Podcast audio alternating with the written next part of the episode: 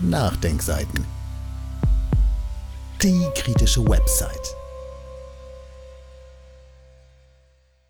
Süddeutsche Zeitung trennt sich wegen Antisemitismus von Zeichner. Ein Plädoyer gegen das Anfachen der Empfindlichkeiten von Tobias Riegel. Die Süddeutsche Zeitung hat sich wegen einer Karikatur des israelischen Ministerpräsidenten Benjamin Netanyahu von ihrem langjährigen Zeichner Dieter Hanitsch getrennt. Die Karikatur bediene antisemitische Klischees, sie hätte auch im Naziblatt Stürmer erscheinen können, waren laut Hanitsch die Vorwürfe in der Redaktion. Der Vorgang wirft ein Licht auf den beliebigen Umgang mit der künstlerischen Freiheit.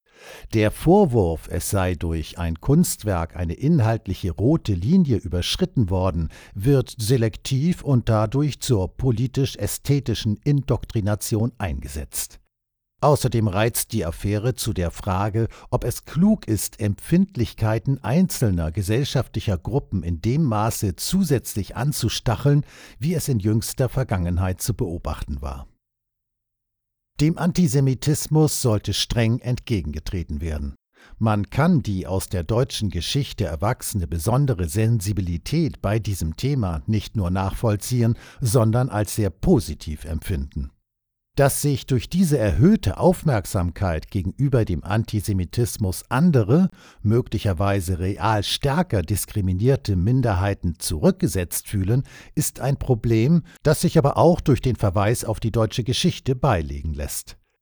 Dies aber nur, solange ein gewisses Maß dieser Ungleichbehandlung nicht überschritten wird.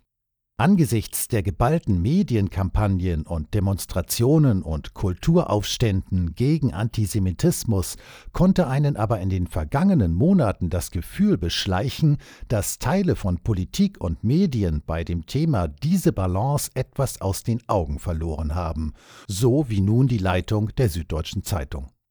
Betrachtet man die Ungleichbehandlung verschiedener satirischer Interventionen, so wird klar, dass es zum Glück keine klaren Kriterien gibt, nach denen grenzwertige, möglicherweise beleidigende Kunst als noch legitim oder zum Beispiel als volksverhetzend eingeordnet wird.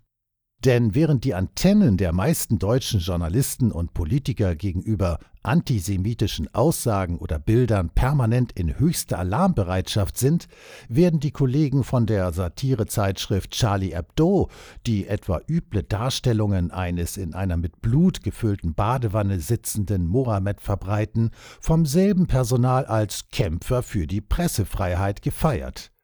Die Vermutung liegt nahe, dass die grob islamfeindlichen Beiträge von Charlie Hebdo darum mit größerer Gelassenheit aufgenommen wurden, weil sie sich nahtlos in die Propaganda für die jüngsten Kriege im Nahen Osten eingefügt hatten. Durch einen solchen selektiven und moralischen Umgang mit der Kunstfreiheit wird auch Geopolitik gemacht. Was ist Satire? Was ist bösartige Agitation?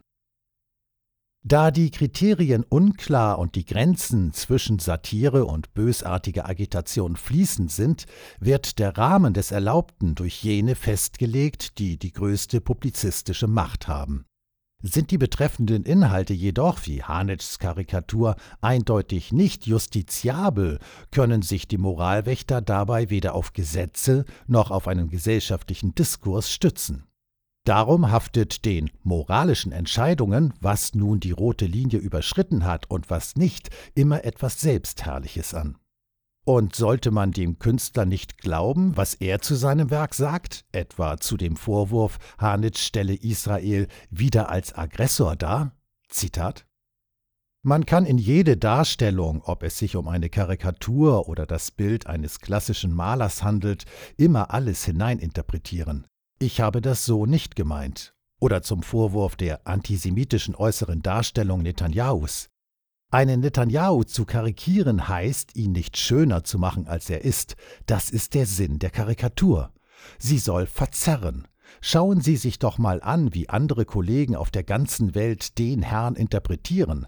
Frau Merkel wird es nebenbei bemerkt auch nicht lustig finden, wie ich sie zeichne. Zitat Ende.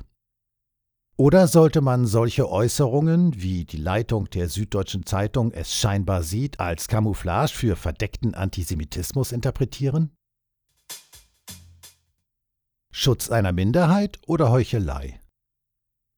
Wenn die oben beschriebene, durch die deutsche Geschichte gerechtfertigte Ungleichbehandlung des Antisemitismus ein bestimmtes Maß überschreitet, wird sie zur Heuchelei.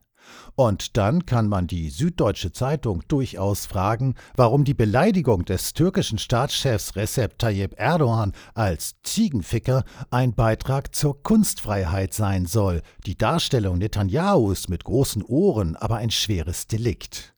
Oder man könnte Außenminister Heiko Maas fragen, warum er sich höchst emotional zu einem Fall äußert, bei dem ein jüdisches Mädchen an einer Berliner Schule gemobbt worden sein soll, wenn er sich gleichzeitig als Außenminister noch nie zum täglichen Schulmobbing gegen andere Minderheiten geäußert hat. Hier soll keineswegs die gleiche Strenge gegen islamfeindliche Karikaturen gefordert werden, die gegen antisemitische Werke praktiziert wird. Im Gegenteil, alle sollen ihr Fett wegbekommen. Und mehr Gelassenheit auf allen Seiten ist gefragt. Wäre es nicht an der Zeit, die extremen Empfindlichkeiten, die vielen gesellschaftlichen Gruppen hierzulande medial anerzogen wurden, behutsam wieder zurückzufahren? Justiziable Äußerungen gegen Juden oder andere Minderheiten müssen streng geahndet werden. Aber abgesehen davon, das hysterische mediale Eintreten gegen jede verbale oder künstlerische Entgleisung kann sich in ihrer Wirkung auch verzerren. Die Hypersensibilität bedeutet dann keinen Schutz mehr für die betroffene Gruppe, sondern das Gegenteil. Wenn Worte übermäßig aufgeladen werden, verschlimmert das auch die Verletzung bei den Betroffenen, wenn diese Worte gebraucht werden.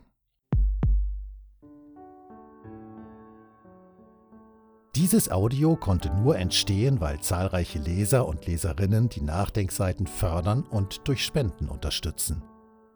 Wenn Sie auch etwas tun wollen, klicken Sie einfach den entsprechenden Button auf unserer Website an.